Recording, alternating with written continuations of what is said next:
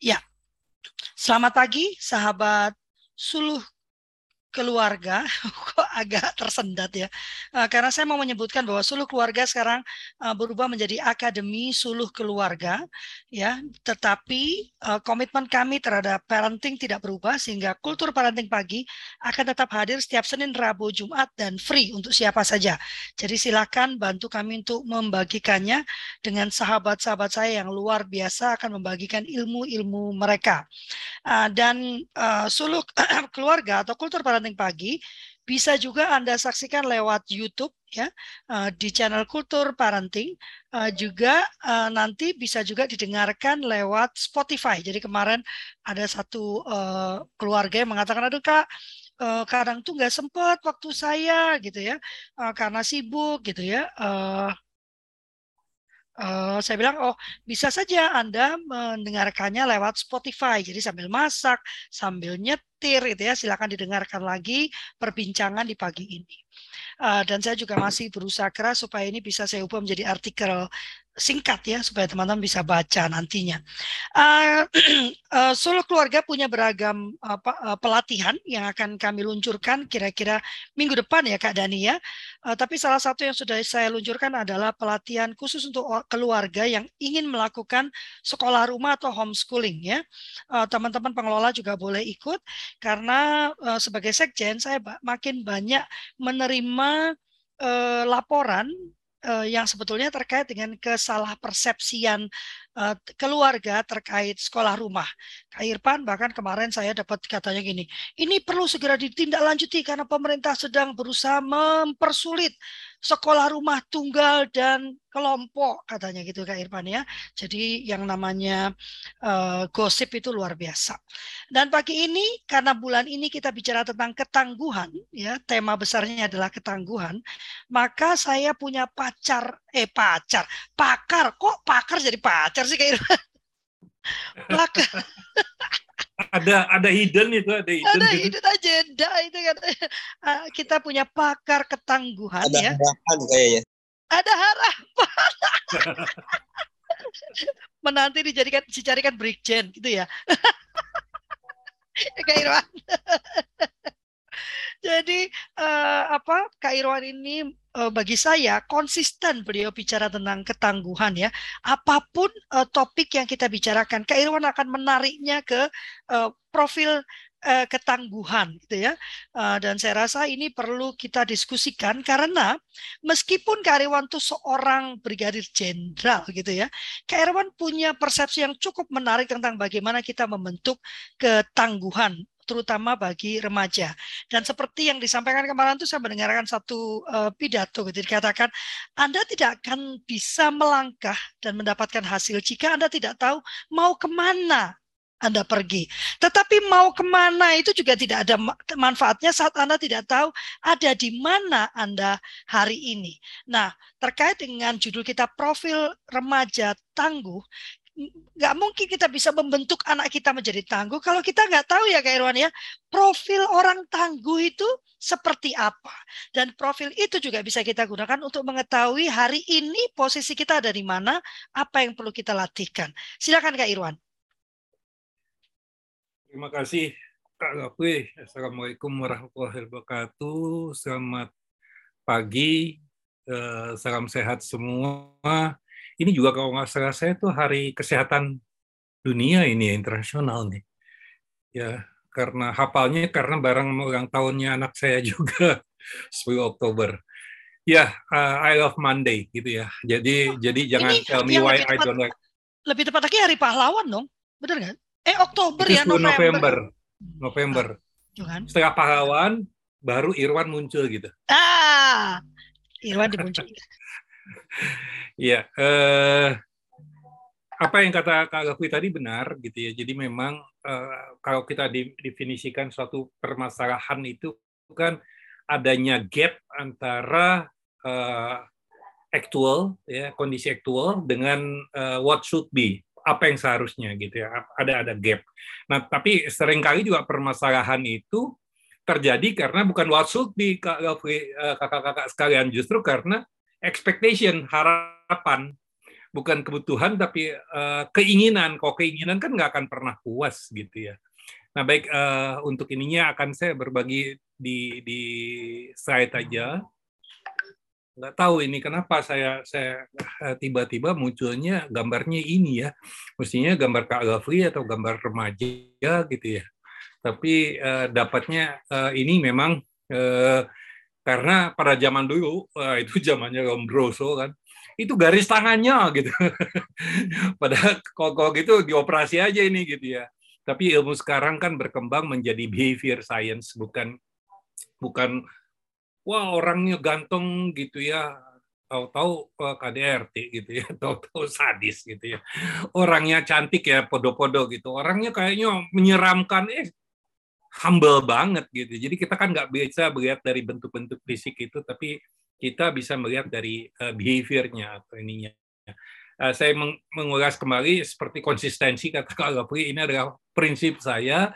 Saya sangat yakin bahwa kita semua dilahirkan sebagai pemenang, gitu kan. Tapi kita harus menemukan jati diri kita itu seperti apa, gitu kan, supaya kita bisa uh, survive uh, dan berkembang. Di sini ada saya masukkan power, di sini saya masukkan wife, uh, wise ya Eh, kenapa jadi wife ya, jadi kayak pakar jadi pacar juga ini gitu ya. Nah, intinya ada TRF, nanti saya kita akan bahas ke sana. Di sinilah akan terbentuknya sang pemenang. Semoga kita semua dari keluarga kita menjadi sang pemenang. Uh, sebetulnya konsep saya itu tiga ya, jadi ada ada toughness, resilient, dan flexible. Sekarang kita menyoroti yang toughness-nya karena ketangguhan ya, profil ketangguhan tadi. Meskipun uh, kalau kita lihat dari buku buku tentang mental toughness yang dia dari sport science, uh, toughness-nya itu dia dia masukkan juga uh, resilience-nya dia masukkan juga di di di di toughness-nya itu gitu ya. Jadi ada ya kalau saya kan bicaranya komitmen gitu ya kan, concentration kayak gitu ya, challenge gitu ya. Di di sini kalau kalau dia masukkan juga uh, masalah kontrol, jadi emosi kontrol. Kalau saya bagi saya kontrol itu justru ada di resilience. Tapi apa pun itu niatnya sama bahwa uh, regulasi itu memang penting di dalam kita menyalurkan ketangguhan energi ketangguhan kita ini.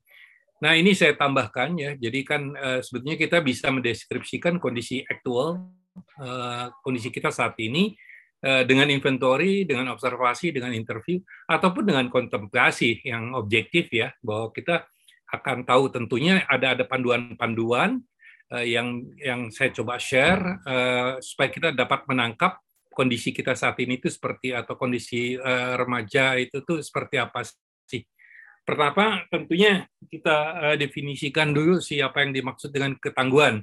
Ketangguhan itu merupakan kemampuan dalam melakukan kerja secara aktif yang memandang adversary, saya katakan tadi adversary itu sebagai musuh tantangan itu ya, yang harus dihadapi sebagai suatu yang harus diatasi. Ya, jadi adversary itu bisa persoalan, kesulitan, hambatan, rintangan, perubahan ataupun ancaman. Baik itu skenario memang datang dari yang maha kuasa maupun kalau dalam pelatihan skenario itu yang di, dibuat kan, dibuat uh, suatu tantangan tertentu kayak tadi uh, Kak Lia nyampaikan ya teman-teman uh, adik-adik di SMUTN baru pembaretan gitu ya. Dia uh, harus mengikuti rute RP, RPS rute uh, Panglima Besar ya, Panglima kok saya di Pangeran Besar ya, Pak Panglima Besar Sudirman gitu ya. Bahkan kepala sekolahnya saya lihat ikut manggul luar biasa itu usianya di atas saya itu bisa manggul seakan-akan ada Panglima Besar Sudirman di atas itu dipanggul dan rutenya ya cukup jauh itu, cukup jauh. Biasanya juga di Taruna Akmil kita melaksanakan itu. Nah, fenomena apa yang yang ditampakkan sebetulnya uh, uh, dari profil ketangguhan ini?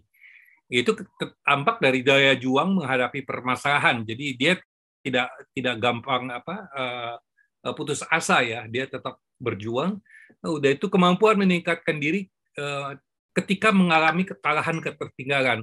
Ya gagal itu itu bagian dari bagian dari uh, kehidupan ya uh, hambatan tantangan kegagalan itu.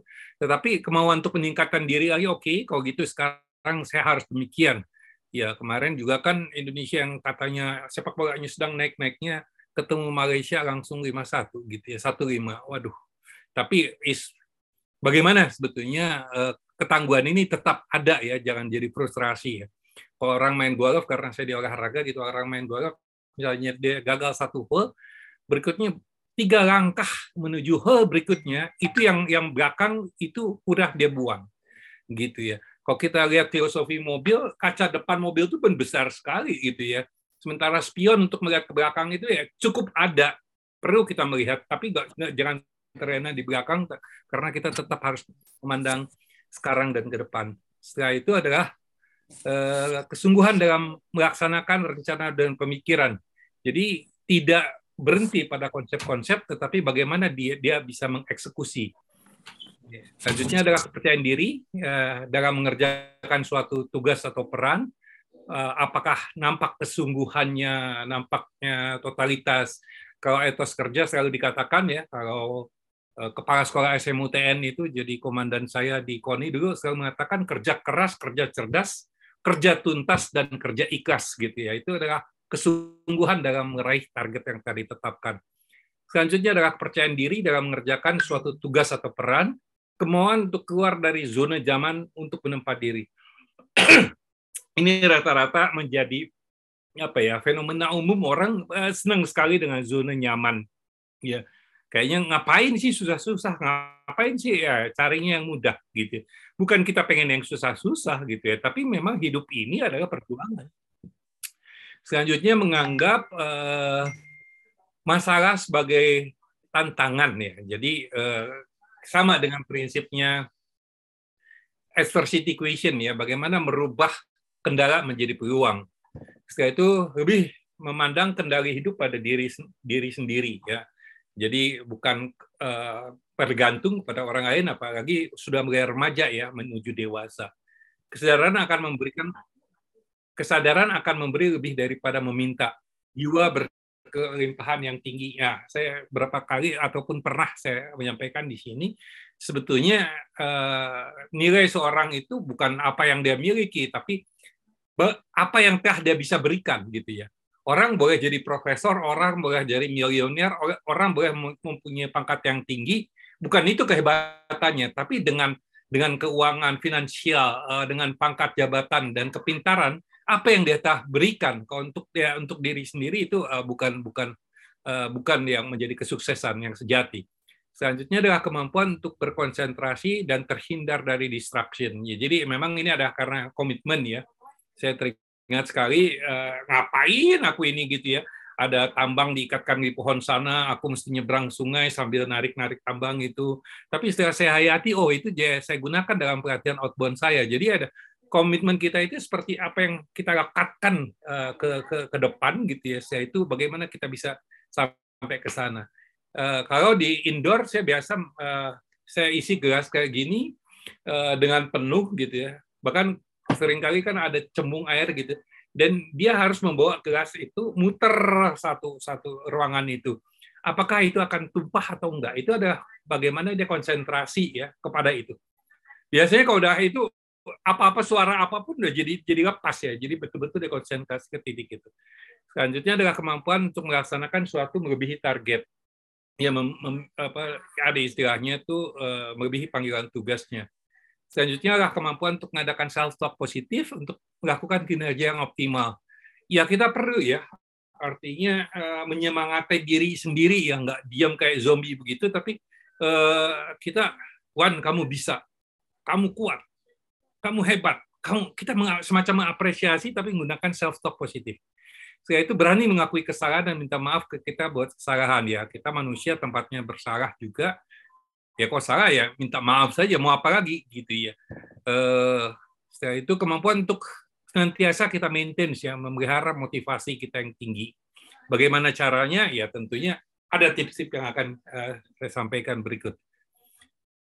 Nah toughness ini uh, kalau saya melihatnya ini tentunya menggabungkan dari berbagai konsep-konsep orang lain maupun teori ya dengan uh, quote tidak ada jalan mudah karena semua memerlukan upaya yang sungguh-sungguh. Jadi seorang yang toughness itu, seorang yang tangguh itu dia mesti punya keteguhan terhadap tujuan ataupun tugas kerja, tugas yang dia miliki. Dia mesti punya komitmen, saya punya ini gitu ya. Ya, terkadang dalam dalam kondisi seperti hal tertentu kalau kita bisa memisalkan ini menjadi suatu yang hebat, eh, ngantuk juga bisa diatasi kok gitu ya. Ngantuk bisa diatasi. Eh, saya saya pernah pernah habis dengan keluarga di Jakarta, saya itu diving, saya itu harus pulang malam itu semua di mobil itu nggak ada yang nggak tidur semuanya dengan tapi saya nyupir kan saya nyupir ya dengan nyanyi dengan zikir dengan self talk apa pun karena saya punya komitmen saya mesti selamat sampai di rumah walaupun nasihatnya ya kalau kalau ngantuk berhenti tidur gitu ya ya saya khawatir kalau saya berhenti tidur dan bangunnya udah besok pagi gitu kan Nah, dengan komitmen tadi dan saya bisa melihat sampai abang-ambang mana uh, batas kekuatan itu. Selanjutnya adalah keberanian ya. Jadi bravery itu tingkat keyakinan untuk melakukan sesuatu. Berani enggak gitu ya. Ya, sering kali kan ditantang. Anak saya juga pernah jadi muda, uh, anak muda kan, wah ngebut, ngebut, ngebut, ngebut. Kata saya boleh aja ngebut, tapi terpelajar. Gimana? Diajak itu ke sirkuit gitu ya Ternyata begitu di sirkuit lain itu. Kalau di sini ada yang begitu sirkuit itu lain itu. Belum melihat Fata Morgana, belum melihat, waduh, ternyata bukan bakat saya di sini gitu kan. Saya itu challenge perbedaan individu, perbedaan dan tantangan. Jadi kita memang mesti eh, tantangan bagi saya mungkin bukan tantangan bagi orang lain gitu. Jadi kita mesti punya tantangan masing-masing sebetulnya. Bagi saya yang mana yang yang lebih punya risk taking beda gitu ini kan kita masing-masing juga diberikan potensi yang berbeda. Setelah itu tentunya adanya eh, kepercayaan ya keyakinan akan kemampuan diri sendiri, confident, motivasi yang tadi dikatakan, kemampuan memelihara mempertahankan tingkat motivasi diri. Konsentrasi tadi saya sudah sampaikan juga. Uh, ini kan kalau kalau pakai inventory ini kan ada hasil gitu ya. Kok kayak gini kan kelihatan bahwa toughness dan resilience ini lebih rendah daripada fleksibilitasnya. Kok kita lihat tadi ada enam aspek tadi, kita lihat juga challenge-nya yang agak mending, komitmen sudah di bawah, konsentrasi rendah, yang kayak gini ini hampir semua aspek harus ditinggikan. Nah, pada saat itu sebetulnya apa yang harus atau tips ya yang saya katakan di depan tadi yang bisa dilakukan ya. Eh, kakak-kakak di sini juga saya yakin punya tips dan kita bisa diskusikan ya. Jadi kan toughness itu ketangguhan dalam kemampuan mental untuk memandang adversary sebagai sesuatu yang harus diatasi secara aktif. Ya, harus diatasi secara aktif karena oh enggak menumpuk dia gitu. Menumpuk ya. E, kalau kita badannya masih bagus anak muda, oh udah sekarang saya melihat anak muda, is kenapa perutnya udah maju gitu ya. Ah, bukan pemikiran yang maju, perutnya maju. Hati-hati Kenapa? Kalau beratnya udah tambah tambah tambah lagi, tambah susah lagi mengatasi adversary itu. Makanya eh, itu harus kita atasi ya sedini mungkin.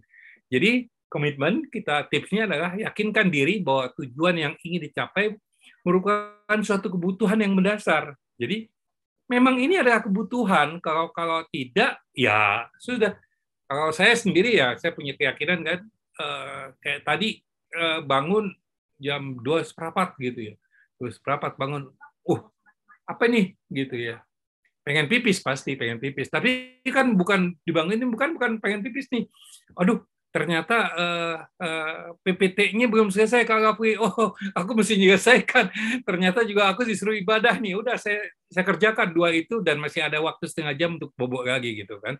Saya itu luangkan waktu untuk memikirkan hal yang baik yang akan terjadi jika adversary telah diselesaikan.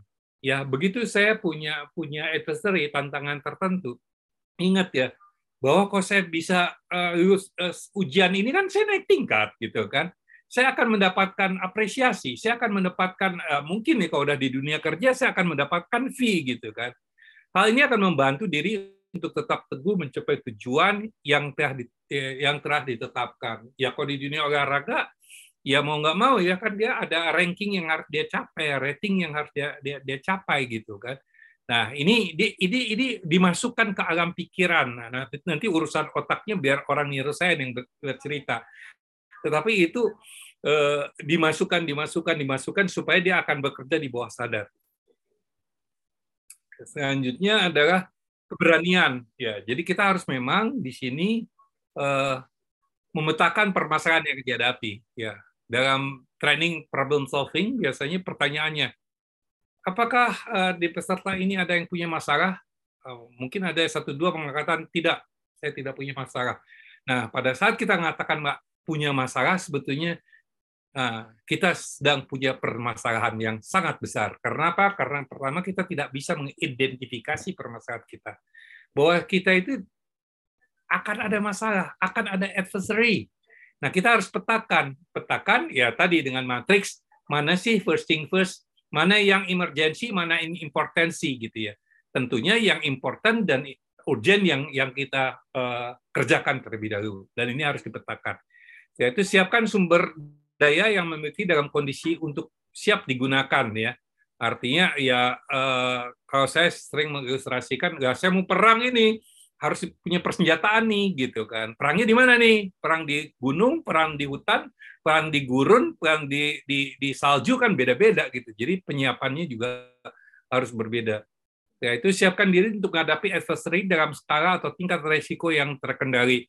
Ya apa pun agama kita, saya yakin pertama kita yakin Tuhan itu ada, Tuhan itu kuasa, Tuhan itu adil bahwa Tuhan itu memberikan persoalan nama kita sudah terukur. Kita aja yang kadang-kadang mungkin gitu ya, waduh kayaknya berat banget deh gitu ya malah kadang-kadang kemarin ini kan hujan besar, hujan aja dimarahin. Ya, itu sama marahin Tuhan dong. Ini hujan gede banget sih. Pokoknya, eh jangan itu marahin. Berdoa saja bahwa ini menjadi berkah begitu kan. Selanjutnya adalah keberanian akan tumbuh dari pengalaman dan keberhasilan dalam menghadapi adversary. Ya kan. Eh, ya sering kali ya. Saya waktu kecil juga sering kali kan eh, ada orang rumah lah, bukan orang tua yang menakut-nakuti, hati-hati, hati-hati gitu ya Ya, rumah angker kayak gitu kan. Waktu itu ada sumur, sumurnya bisa bicara sendiri, ah segala macam gitu. Waktu habis tentara itu selesai semua itu kagak gitu kan. Masukin, masukin ada jurit malam malah setan-setanan dibuat gitu. Malah yang kemasukan pelatihnya gitu kan. Karena kita harus harus harus ini misalnya nanda tangan ya nanda tangan ada masuk naik naik ketinggian waduh ini uh, aromanya nggak enak kah aroma aroma yang mengerikan kayak gitu kan setelah gitu ada kuburan di situ dan kita harus tanda tangan bahwa kita udah sampai di situ. Saya waktu tanda tangan saya orang keberapa gitu sampai situ saya baca ketawa juga ketawa apa ini teman-teman kelihatan stres nih kata saya kenapa tulisannya nggak ada yang bagus tulisan dokter semua saya senyum saya itu saya coba saya tulis nama saya ada tanda tangan Kenapa tanda tangan saya juga nggak bagus? Rupanya memang memang saya sedang diuji. Memang rupanya di dalam bawah sadar, di atas sadar saya beranikan diri, tapi bawah sadar mungkin waktu saya kecil saya ditakut-takuti apa apa ada ketakutan itu. Apalagi setelah selesai tanda tangan itu liwat si pocong tadi ya yang digantungkan tadi gitu. Itu adalah bagian-bagian yang di, diatasi gitu ya untuk menciptakan keberanian tingkat uh, berbagai kemampuan diri, tingkatkan berbagai kemampuan diri sendiri, minat dan poten sesuai dengan potensi yang kita miliki. Kita kan punya potensi ini, sebetulnya di mana sih gitu. Saya sendiri nggak ya nggak nggak nggak pernah terbayang awalnya. Oh, kok saya ternyata lebih lebih cocok dalam dunia pendidikan ya untuk sharing ya untuk apa ya gitu ya. Dulu nggak kepikiran eh, ke arah sana. Saya pikir saya mau jadi pemain band, eh, main musik atau pembalap seperti itu gitu loh. Akhirnya setelah menemukan oh ternyata jati diri saya di sini. Perbanyak pengalaman dalam menghadapi adversary gitu ya. Jadi sebenarnya banyak antena yang tadi yang saya katakan punya masalah nggak salah gitu. Pasang antena sebetulnya kita banyak nih adversary adversary kita ini. Apa sih? Kayak gitu kan. Dan kembali lagi ini harus selalu di, di, di, di, dibarengan dengan rasa syukur ya kadang-kadang kita nggak tahu oh kita padahal masuk maksud yang maha kuasa itu baik Kan kemarin ini juga ada viral. Jadi ada orang kayak di di trotoar sebetulnya dan ada pagar kecil begitu, tiba-tiba dia diserang semut, banyak semut. Mungkin dia kesel pada saat itu kan. Ngambil pindah dia, pindah ke balik pohon, tiba-tiba di situ masuk mobil gitu ya. Kalau nggak ada semut itu dia mungkin mati. Mungkin itu cara Tuhan menyelamatkan kita kan. Kita nggak tahu bahwa tiba-tiba kita mau jalan gitu ya, tiba-tiba mungkin tertinggal sesuatu ya, atau pasangan kita yang ninggalin sesuatu, ah kamu selalu begini-gini marah-marah gitu. Ya. Padahal mungkin-mungkin saja gitu. Kalau kita berangkat di situ ada sesuatu yang tidak baik, kita kan tidak tahu gitu. Jadi memang di sini harus uh, ada di back mind kita itu ada rasa syukur dan ada skenario yang terbaik. Berikutnya adalah tantangan. Jadi kita harus ubah pola pikir terhadap tantangan objek tantangan itu sendiri ya. Jadi jangan itu dibilang sebagai constraint kendala. Tidak ini adalah tantangan ini adalah tantangan. Dan kembali lagi kalau ininya udah spiritual dan ini udah seimbang untuk saya nih yang eh, Tuhan nggak akan beri saya masalah yang saya nggak bisa atasi. Tapi saya mesti kreatif mengatasi ini saya mesti tangguh menghadapi ini gitu ya. Setiap masalah dihadapi tanah ya itu satu yang menantang untuk diselesaikan untuk belajar lebih untuk mendapatkan pengalaman baru ataupun untuk membuktikan kemampuan untuk mengalahkan masalah tersebut. Ya, saya teringat kalau yang udah menjadi rutin ya di pagi hari begini-begini, ya itu salah satu narasumber ya sahabat kita juga tiba-tiba batal pas hari H jam J menit M gitu kan. Wah, itu nggak apa-apa itu itu itu tantangan gitu kalau tantangan karena apa? Tuhan tahu kalau kan udah terbiasa, masa sih oke-oke saja. Tapi jadinya waspada ya waspada. Kemarin saya ditanyakan nggak ada halangan gitu kan. Tadi pagi oke okay, hari ini siap gitu gitu gitu. Nah, saya yakin Kak Rafli juga misalnya Irwan tiba-tiba nggak bisa bicara sekarang lagi batuk atau apa, saya yakin Kak Rafli juga uh, siap backup gitu ya. Karena tadi sudah punya pengalaman adversary yang sebelumnya. Ya, tanamkan nilai pada sikap dan pikiran sesuai dengan tema-tema jiwa tertantang Kemudian membingkai ulang keyakinan diri dengan memahami pentingnya memiliki jiwa tertantang, resiko dan manfaatnya. Selanjutnya memiliki melakukan afirmasi ya untuk menanamkan keyakinan baru tersebut ke dalam pikiran yang lebih dalam lagi.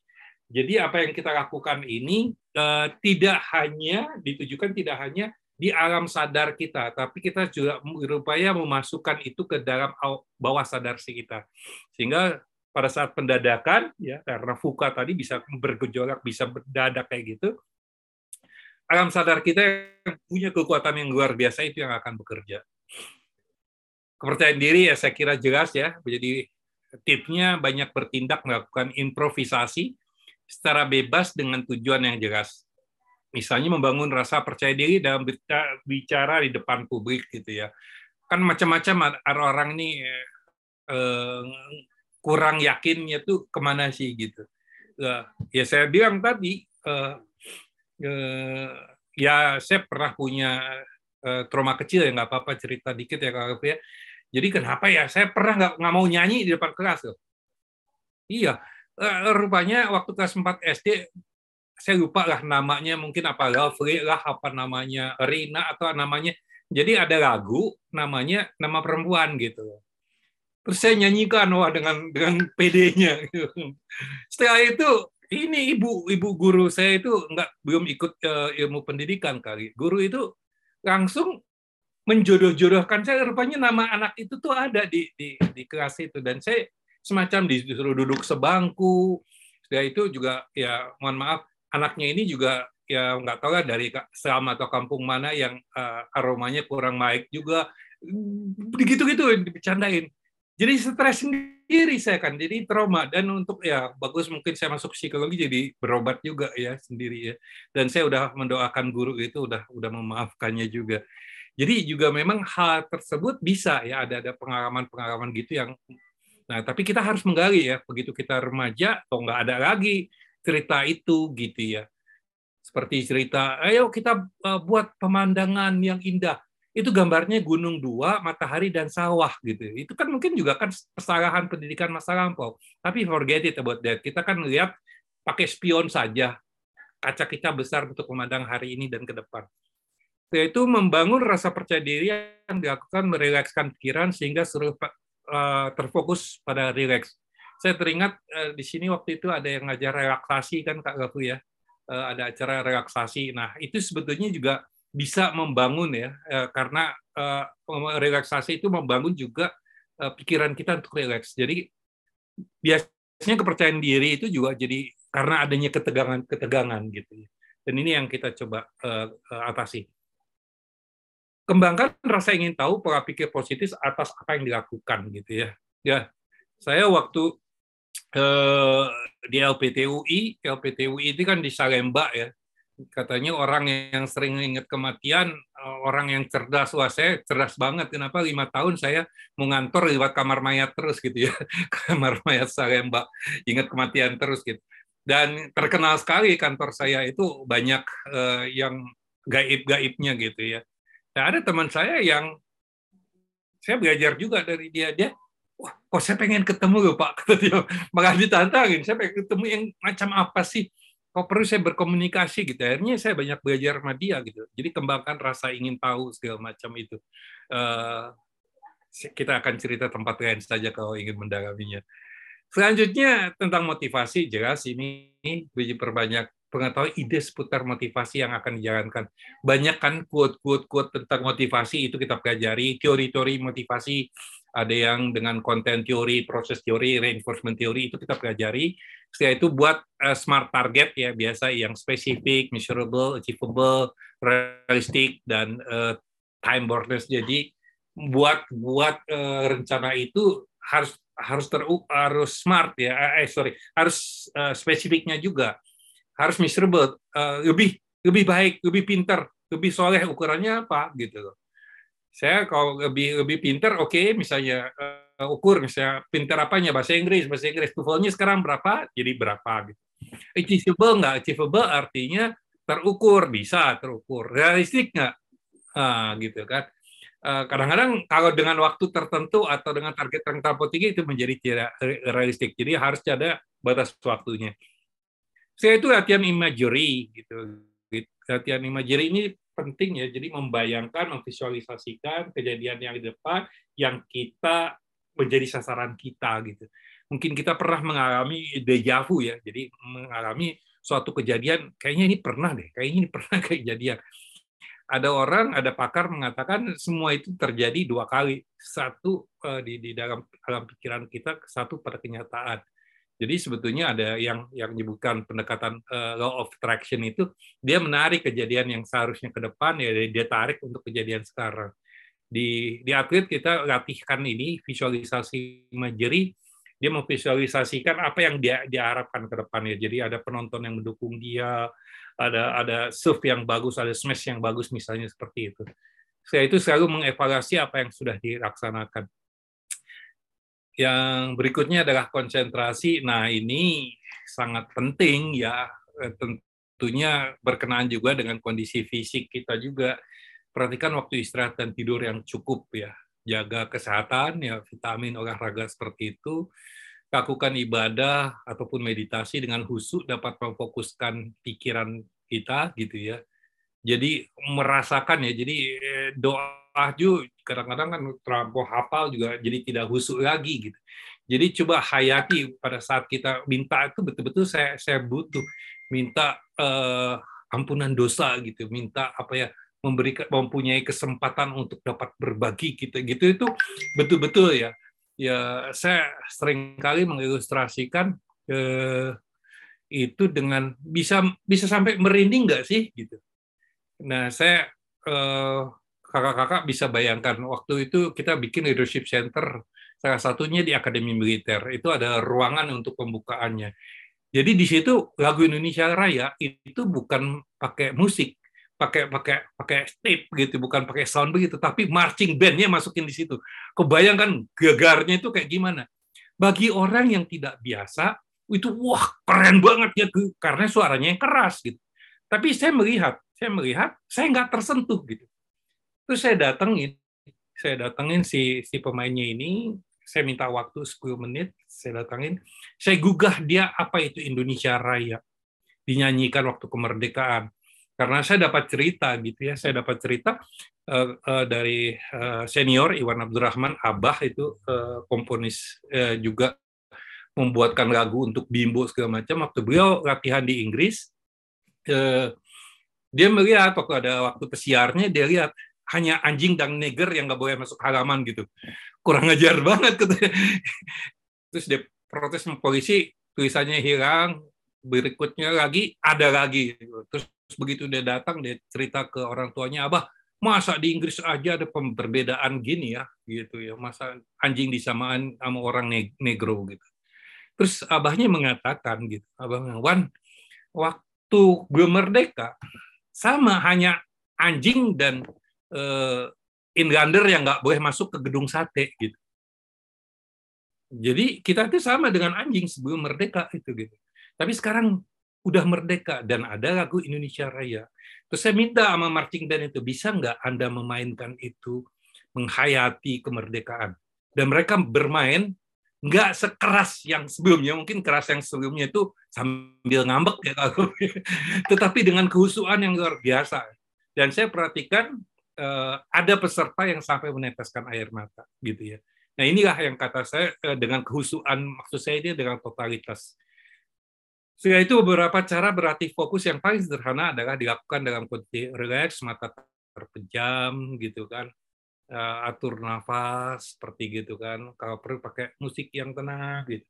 Berikut dilatih dengan fokus pikiran dengan keadaan duduk sambil mata terbuka. Nah, advance-nya sambil kita berkegiatan pun kita bisa tetap berkonsentrasi gitu. Ini uh, latihan konsentrasi. Nah, ini yang pernah saya sampaikan di beberapa kesempatan gitu ya memang keberhasilan tadi kan harus punya power ya. Ya, power ini juga bisa diolah macam-macam ya. Ada personal power, ada ada position power. Jadi di dalam power itu eh, selain itu juga ada kekuatan yang eh, eh, knowledge dan science. Jadi kita perlu kita juga perlu pengalaman, kita perlu art seni gitu ya. Nah, wise-nya itu wise-nya itu ada di tengah nih, kakak-kakak sekalian nih jadi dia overlap dari itu semua itu adalah wise gitu. Dia akan sekecil itu, tetapi pada saat seseorang atau remaja yang tangguh ini bisa menyatukan antara power yang dia miliki, mungkin karena apa? Mungkin dia punya karena kekuatan kayak Kak Gafri, jago karate gitu ya. Uh, setelah itu dia punya pengetahuan dan ilmu uh, knowledge and science, pengetahuan dan ilmu pengetahuan. Dia punya uh, seni dan dia punya pengalaman itu bisa dia rapatkan menjadi satu. Jadi wise-nya akan semakin besar. Jadi kapan wise itu bisa menjadi besar? Pada saat kita bisa menyatukan power knowledge, science, art yang kita miliki ditambah experience menjadi satu. Kalau dia terpisah-pisah, dia cuma overlap, dia cuma wise kita cuma sekecil. Tapi pada saat dia menjadi satu, ya inilah yang dikatakan uh, uh, orang yang low profile but wise gitu di sini kita saya kira itu dan uh, gimana remaja ini bisa melihat selalu fresh, melihat hari Senin uh, sekarang bukan I don't like Monday gitu ya, tapi I like Monday, I love Monday gitu dan sebagai suatu kesempatan pulang yang baru mensyukuri pada saat kita bangun pagi. Saya kira itu mungkin ada hal-hal yang kita bisa selesaikan dengan diskusi. Terima kasih, Kalau Saya kembalikan. Ya, seperti biasa ya, daging semua ya. Uh, uh, memang ini baru sampai ke profil. Bagaimana mencapai profil itu itu ada sesinya tersendiri karena enggak satu tambah satu sama dengan dua ya. Nah, bagaimana teman-teman? Apakah ada yang uh, mau ditanyakan ataukah waktu kita membaca itu lalu muncul, hmm, kayaknya profil itu jauh dari saya ya. Uh, Kak Dani, Kak Ika, Bulia, Kak Redemptus, Kak Sri Wahyun ini banyak hari ini loh. Dokter Ferry, Kak STT ini siapa ya Kak STT ini ya? Kak Fatima, uh, Pendeta Min, Kak Pak Mutakin, Kak Hapid, Kak Faisy, Kak Elizabeth, Kak Madiman, uh, Kak Vivi, ada yang mau disampaikan Kak? Pak Mutakin udah nyalakan mic, matikan lagi. Kenapa Kak? Saya dong. Oh, kayaknya Kak Jani. Silakan Kak Dani. Ya, uh, makasih. Uh, oh, Kak Jani, Kak Dani. Sorry, aku sambil baca chat. Ya. Aku hari ini kok. Silakan ya. Kak Dani. Ya, nuhun Kang Irwan. Ini luar biasa ya, sekali ya. Seperti biasa, kalau Kang Irwan sharing memang uh, daging semuanya. Gitu. Nah, ada ada satu hal yang menarik uh, tadi kan dibilang bahwa ketangguhan itu tadi yang dikatakan ada apa dari komitmen, uh, brave ya, uh, confident dan ada enam, enam itulah uh, sepertinya enam hal yang yang yang akan dibentuk.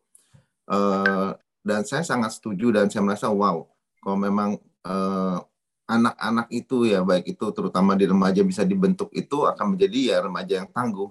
Nah mungkin pertanyaannya uh, berapa lama sih pembentukan itu diperlukan gitu atau mungkin juga setiap orang memang beda-beda ya biasanya kan begitu kan uh, terus ada nggak sih assessmentnya untuk menentukan orang itu di mana dan mesti ditarik sampai mana gitu supaya bisa dikatakan bahwa ya anak ini atau remaja ini sudah sudah menjadi remaja yang tangguh begitu kan Kang Iwan Ya, terima kasih. Uh, karena ini yang saya jawab yang kedua dulu ya.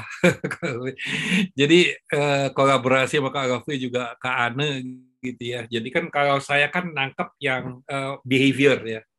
Behavior. Behavior artinya uh, misalnya ketangguhan, ketangguhan yang fenomen yang yang yang yang tampak ya pada tingkat kalau, dokter Ana dia karena uh, brain function ya ya dia akan potret di sini. Dan kita akan coba combine-kan gitu.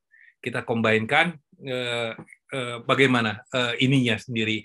Ya Kak Dani memang sebetulnya kan saya punya saya sudah mem mem membuat gitu yang untuk umum maupun yang untuk atlet untuk uh, inventory ya inventory dari uh, Eh, mental tangguh ya. Kalau, kalau saya bicaranya mental pemenang ya, ada mental tangguhnya, ketahanannya, resilient dan fleksibilitasnya sendiri gitu kan.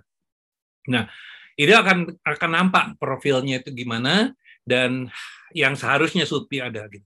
Memang kelemahan ya, kelemahan dari inventory biasanya ini kan memang kejujuran dari yang melaksanakan. Nah, sehingga kalau Ane dia uh, mengatakan kalau saya lebih suka bukan bilang itu assessment, tetapi bilangnya itu profiling. Iya kan? Karena memang ada ada errornya. Memang ada teknik psikometri yang kita lakukan ya bahwa apakah ini bisa dipercaya atau enggak uh, pertanyaannya ya pertanyaannya. Jadi memang selalu kita buat ada item positif negatif ya. Ya kadang ini kan udah ngerti banget lah soal begitu ya. Sehingga dia kalau dia ada kecenderungan orang kan ada yang terlampau strict, ada yang terlampau lenience, ada yang center tendencies gitu jawabnya.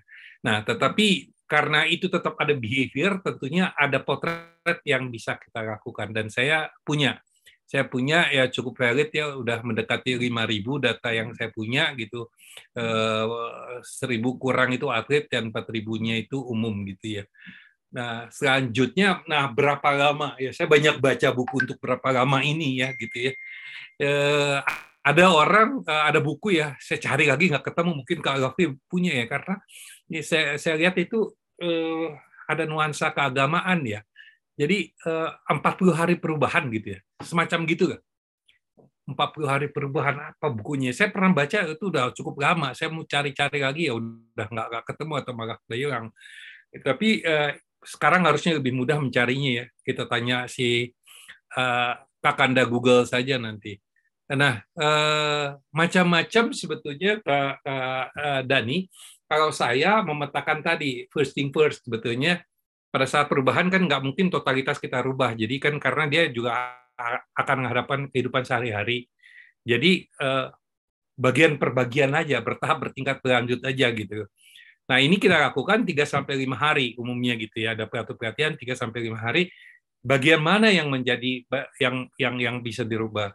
Dan untuk eh, untuk apa yang saya susun dalam bentuk uh, apa training dan counseling, coaching and counseling itu itu ada yang sifatnya reguler, jadi yang sifatnya umum dan ada sifatnya khusus. Misalnya ada dulu sangat terkenal kan AMP, eh, AMT, Achievement Motivation Training gitu kan dari David McLaren. Jadi ya memang khusus lima hari itu untuk meningkatkan motivasinya aja gitu. Jadi berarti imagery tentang motivasi aja gitu. Jadi dia dia bikin visualisasi motivasi bikin ada game apa motivasi semuanya motivasi gitu temanya gitu nah ada yang confident ada yang apa. Tapi ada juga yang sifatnya reguler uh, kak Dani.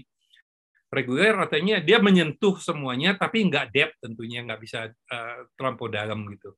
Nah kalau terlampau dalam ini kan uh, akan perlu waktu yang lama. Nah, selain itu sebetulnya ada kegiatan-kegiatan positif, ya, kegiatan-kegiatan positif yang langsung tidak langsung juga membangun hal tersebut. Misalnya kepanduan ya dulu kepramukaan mungkin sekarang kayak gitu ya. Itu membantu ya eh, setelah gitu mungkin eh, apa olahraga-olahraga seperti eh, apa eh, pendaki naik gunung gitu ya. Hanya eh, perlu processing gitu ya. Processing bedanya kalau di Indonesia yang saya rasakan sama, sama di luar di luar main outbound itu gampang banget yuk fasilitatornya. Yuk main RCL itu tahu kan yang uh, perahu karet yang dipakai tentara apa itu ya. Main aja udah, udah itu dia harus mompa sendiri ini ini. Setelah itu mereka suruh diskusi selesai aja gitu. Kok di sini kan harus dijelaskan kenapa itu dilakukan segala macam segala macam. saya pernah lakukan juga di sekolahnya Pak Luhut itu di SMA-nya di di sana guru-gurunya uh, saya saya suruh saya suruh itu bangun bangun rakit untuk nyebrang ke Pulau Samosir gitu. Bayang itu bangun rakit dari bambu. Wah, berapa seriusnya kan? Ya tapi ya memang keseriusannya luar biasa. Hanya mungkin kemampuannya kan nggak ada ya. Jadi tetap aja si rakitnya tenggelam gitu ya. Udah hukumannya kita seret pakai kapal aja dia muter. Itu Kak, Kak Dani yang yang terpenting adalah sebetulnya dia disampaikan suatu ambang threshold antara bisa tangguh, tangguh, tangguh itu. Ya, sentuhan itu setelah itu bagaimana dia maintain ke depan. Jadi perlu ada PR-PR sebetulnya harus dilakukan. Hari ini saya udah apa harus ini apa. Gitu Kak Dani, ya ini diskusi yang menarik ya. Ya, nuhun Kang. Ya dulu kalau Kak Trigun itu uh, dia selalu menyampaikannya itu yang aku, lupa kali Elizabeth itu yang bisa hafal apa tuh kali Elizabeth uh, teorinya itu jadi anak itu dilihat uh, mana yang uh, nyaman buat dia. Artinya sudah dia biasa kuasai yang kurang nyaman dan tidak nyaman gitu kan. Nah threshold itu dinaikkan terus gitu Kak Irwan ya. Jadi waktu kita bicara ketangguhan threshold tangguhnya itu naik terus gitu. jadi bukan uh, kalau tadi kata Kak Irwan kan yang dia pakai apa pakai bambu dibuatkan itu kan karena memang militer ya Kak Irman ya. Uh, jadi kalau pada anak kita ya nggak langsung diberi sesuatu yang membuat dia frustasi gitu kita kira-kira itu Kak Irman ya. Tetapi yeah. Ya. uh, kita harus tahu apa sih yang sudah mereka bisa, ini yang nyaman. Lalu kira-kira apa yang membuat mereka agak-agak kurang nyaman gitu ya uh, karena belum bisa atau mana yang malah akan menakutkan? Nah kita mesti tahu itu supaya kita nggak langsung lompat ke yang menakutkan. Kalau yang menakutkan bukan jadi tangguh Kak Irwan ya tapi jadi uh, apa jadi trauma ya Kak Irwan ya jadi frustrasi. Iya, jadi trauma. Nah, ini juga perlu eh, itu sebabnya pemahaman tentang tumbuh kembang anak, anak itu sangat penting ya Kak Irwan ya. Jadi kita tahu ya. anak usia sekian tuh sebetulnya secara fisik itu apa yang perlu mereka uh, yang uh, apa benchmarknya apa yang bisa mereka lakukan, mentalnya, uh, psikologinya gitu Kak Irwan ya. Harusnya ada di mana. Nah, ini kita bisa tahu supaya kalau mau kita naikkan kita nggak melebihi dari uh, uh, usianya gitu ya, usia, nah. usia psikologis usia, usia ya. biologisnya. Kak Vivi ada yang mau ditanyakan? Udah buka cam? Silakan. Kok nggak naik beca hari ini? Itu naik rules. Makanya kok nggak naik beca dia. Gimana Kak Vivi? Silakan. Hari ini saya izin dulu. Ini lagi ada mau ke Malang ini. Oh, waduh. Silakan Kak Vivi ya kalau mengenai remaja tangguh itu memang susah mendidiknya memang susah. Karena memang yang seperti saya katakan benar kehidupan itu memang uh, harus mulai agak yang kemarin yang saya katakan ini kak Robi jadi tentara yang saya maksud kemarin itu yang dimaksud kak Irwan inilah maksud saya. Jadi sometimes mereka memang harus uh, dikerasin dalam tanda kutip sesuai batas yang mereka mampu. Jadi tidak uh, artinya uh, orang tua juga kadang-kadang tidak mentolerir sesuatu yang sebetulnya mereka bisa, tetapi mereka memang minta dimanjakan. Jadi seperti halnya hari ini juga tadi pagi, si kecil ini kan memang masih proses remaja yang memang lagi adaptasi. Dia bangun telat, kemudian dia minta papanya kebetulan libur, minta diantar papanya karena alasannya dia nggak mau naik sepeda, capek dan segala macam. Kita memang sepakat nggak bisa konsekuensi kamu harus naik sepeda sendiri, terlambat urusan kamu sendiri, dan kamu belajar bertanggung jawab terhadap apa yang kamu lakukan. Artinya itu, saya kita berkata tidak ya tidak. Tidak ditolerir, tidak diantar, tidak diberikan dispensasi. Itu yang saya maksudkan. Saya setuju dengan konsep-konsep yang Kak Irwan katakan tadi.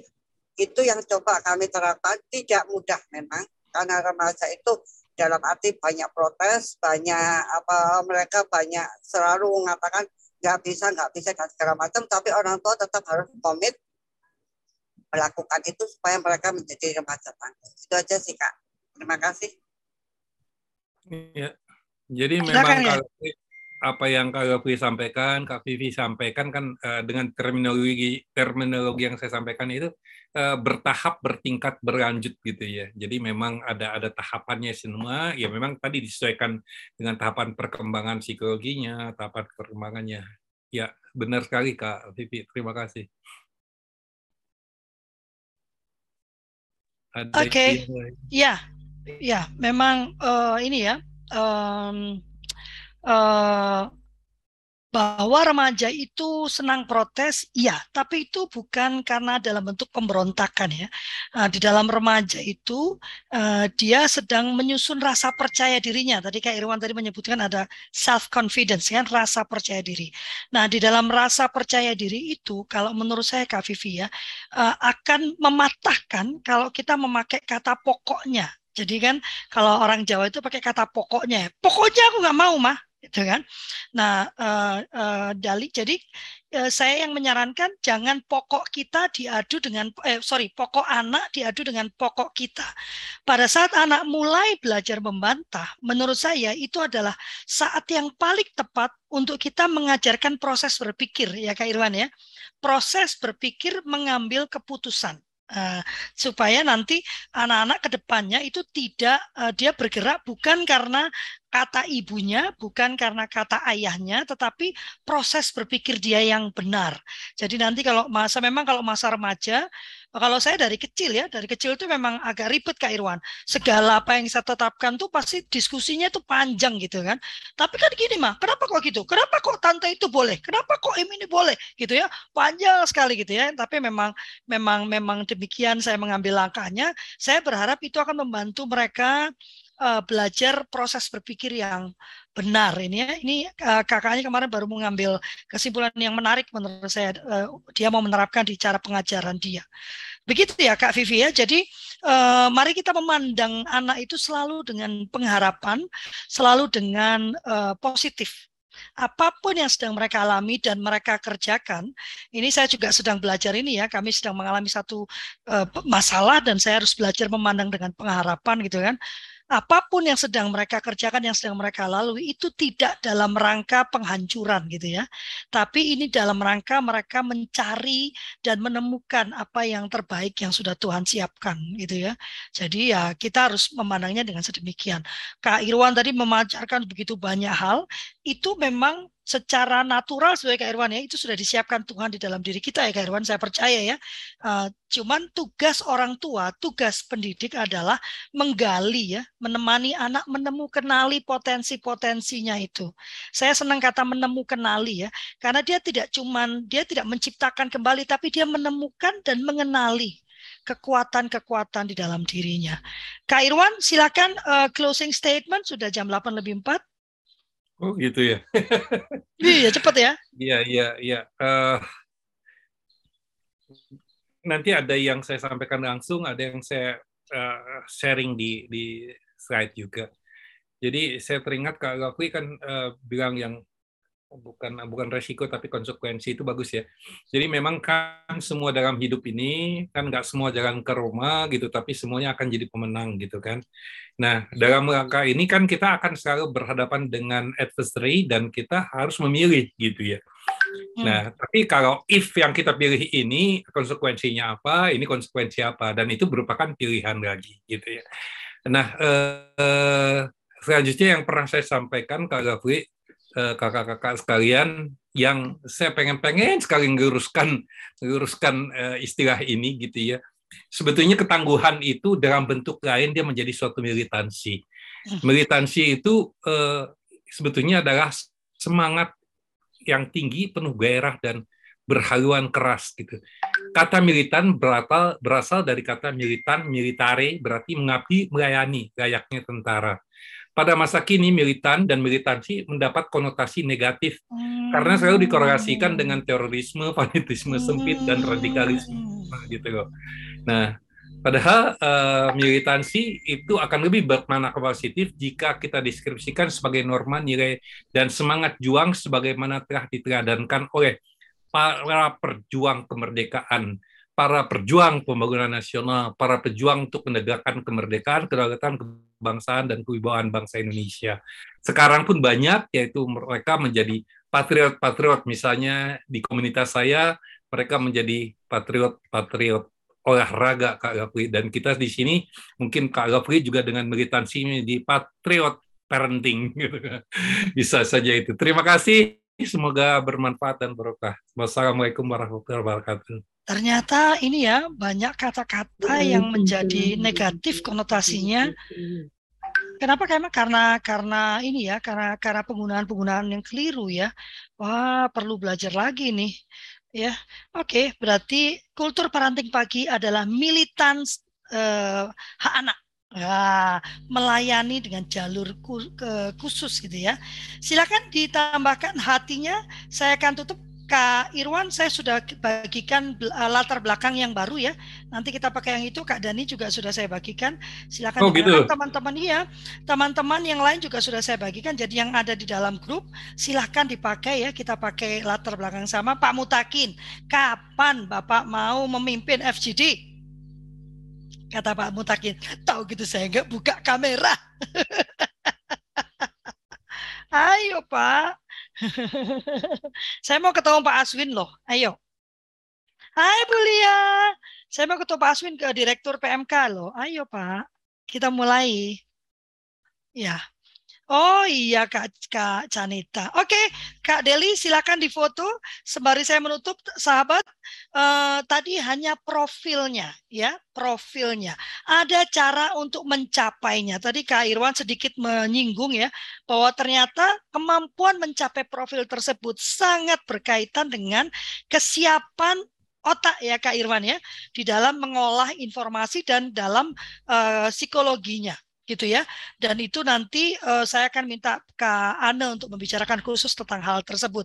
Dan saat ini memang Akademi Sulu Keluarga bekerja sama dengan Kak Irwan dan Kak Ane membentuk satu uh, program yang namanya Indonesia Bisa. Wah, mantep ya judulnya ya Indonesia Bisa. Dan tujuan kami adalah uh, membangun uh, apa generasi yang tangguh untuk Indonesia. Terima kasih banyak atas kehadirannya, luar biasa ya. Uh, saya ingatkan kembali uh, hari Rabu. Wah, ini sedap ini Kak Irwan. Hari Rabu kita akan bicara tentang bullying ya. Uh, dan bullying ini dibicarakan oleh Kak Maria. Ini Kak Maria tadi minta, boleh nggak Kak? Jangan di live kan, dia bilang gitu kan. Karena saya mau bercerita secara vulgar, saya agak tergoda ini ya. Nanti saya akan minta pendapat Kak Irwan dan Kak Dani, apakah sebaiknya acara hari Rabu itu tidak di live kan? Karena Kak Maria ingin bicara secara vulgar. Kalau itu mungkin saya harus bagikan mulai hari ini supaya banyak yang bergabung ya. Tapi mungkin akan saya rekam saja. Jadi uh, apa uh, teman-teman tuh bisa mendengarkan lagi nanti ya. Tapi nanti saya akan minta izin. Karena Kak Maria bilang dia ingin menceritakan hal yang kalau dibuka nanti dia akan terkena dampaknya ya. Uh, menarik ya. Uh, terima kasih banyak atas kehadirannya atas nama kami berlima berenam. Kami memohon maaf yang sebesar-besarnya apabila ada pernyataan, perkataan, sikap, gestur yang kurang berkenan atau tidak berkenan berkenan, malah kami tidak ingin memojokkan, tidak ingin merendahkan, tidak ingin menghakimi, dan bahkan tidak ingin menggurui, tetapi kami ingin menyampaikan dan membagikan apa yang menjadi keyakinan kami, dan yang paling penting apa yang kami usahakan, kami kerjakan dalam kehidupan kami sehari-hari. Terima kasih banyak, selamat ber sampai bertemu lagi di hari Rabu pagi dengan Kak Maria ya, Maria Hardono uh, dan beliau akan bicara tentang bullying. Terima kasih. Wassalamualaikum warahmatullahi wabarakatuh. Uh. Tuhan memberkati. Kak Irwan iya. hari ini ya. Terima kasih. Terima kasih. Terima kasih, Bu. Uh, hari ini ya, aku beresin ya. Oke, kami masuk hari. ke ini juga, Bu ya, ke sekolah-sekolah loh. Iya, Bu Lia, kalau Bu Lia tertarik. Itu masih di mute. Di mute. Ya, silahkan ditunggu Pak Irwan. Oh, supaya saya bisa main-main. Iya, supaya saya, saya bisa main ke sana ini. Iya. Oke, saya pamit ya. Saya mesti pamit, ganti ya. oli mobil. Oh. Ya. Oke. Okay. makasih. Selamat sampai jumpa. Masuk lagi. Makasih. Sampai jumpa. Izin left.